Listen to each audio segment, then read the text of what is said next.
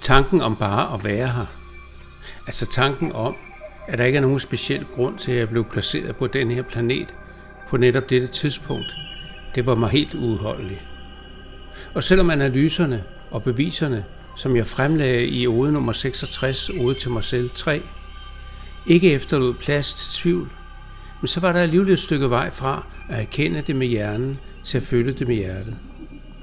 Men jeg tror, det skeptiske hjerte har overgivet sig med denne her ode. Det er ode nummer 69, Tillid til livet.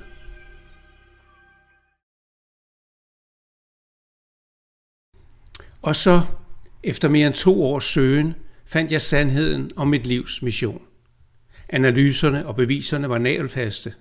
Vores mission er altid præcis det, vi gør. Fra den allermindste trivielle lille handling til store og afgørende øjeblikke, hvis konsekvenser følger os resten af livet. Det er alt sammen dele af missionen. Men selv med denne soleklare indsigt fandt jeg det svært bare at være her. Det var mig så inderligt imod. Jeg følte, min plads var ved rorpinden, der hvorfra jeg kunne styre mit liv mod vigtige og meningsfyldte gerninger. Og jeg så livet komme imod mig en dag, lægge en hånd på min skulder og sige, det var godt du var her. Uden dig var vi ikke nået så vidt.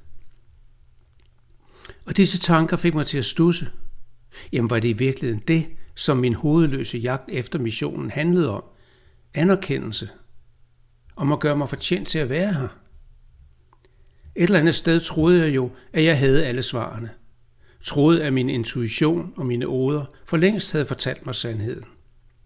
Og alligevel mærkede jeg, at jagten ikke var slut. Roen havde ikke indfundet sig. Jeg var ikke tilfreds. Men bare tre måneder senere var billedet vendt. Det første lille glimt af forståelse kom, da jeg besøgte en gammel skolekammerat. 50 år tidligere havde vi splittet op og begivet os ud i livet i hver sin retning. Jeg er den traditionelle og materialistiske vej, hvorimod hun fortsatte den rejse, hun havde startet allerede i skolens sidste år, blomsterbarn med fokus på alternativer. Og nu sad vi så der, 50 år senere, ved hendes lille kaffebord med udsigt over nordet. Hun var hvidhåret, mit hår stadig kun gråt. Jeg sagde, jeg kan ikke acceptere, at jeg bare skal være her. Jamen det er jo sådan, det er, svarede hun. Og netop som hun sagde disse ord, så jeg et glimt af sandheden. Jeg så hendes ro, hendes tilfredse accept af livet, og jeg fornemmede, at denne stille væren meget vel kunne være det, jeg ledte efter.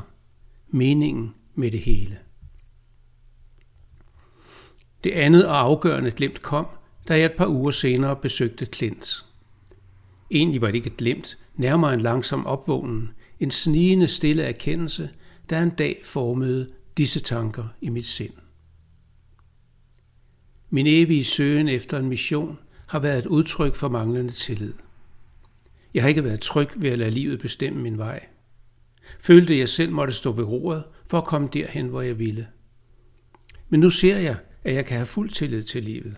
Det vil altid bringe mig præcis derhen, hvor jeg gør den største gavn og finder den største mening. Og mens mine tanker svæver videre, føler jeg, at jeg endelig er nået frem. Jeg bøjer mig i støvet og takker for kampen. Den var livslang og hård, men nødvendig. Og jeg erkender nu, det var ikke mig, men livet, som førte mig hertil. Hvordan kunne jeg nogensinde tvivle?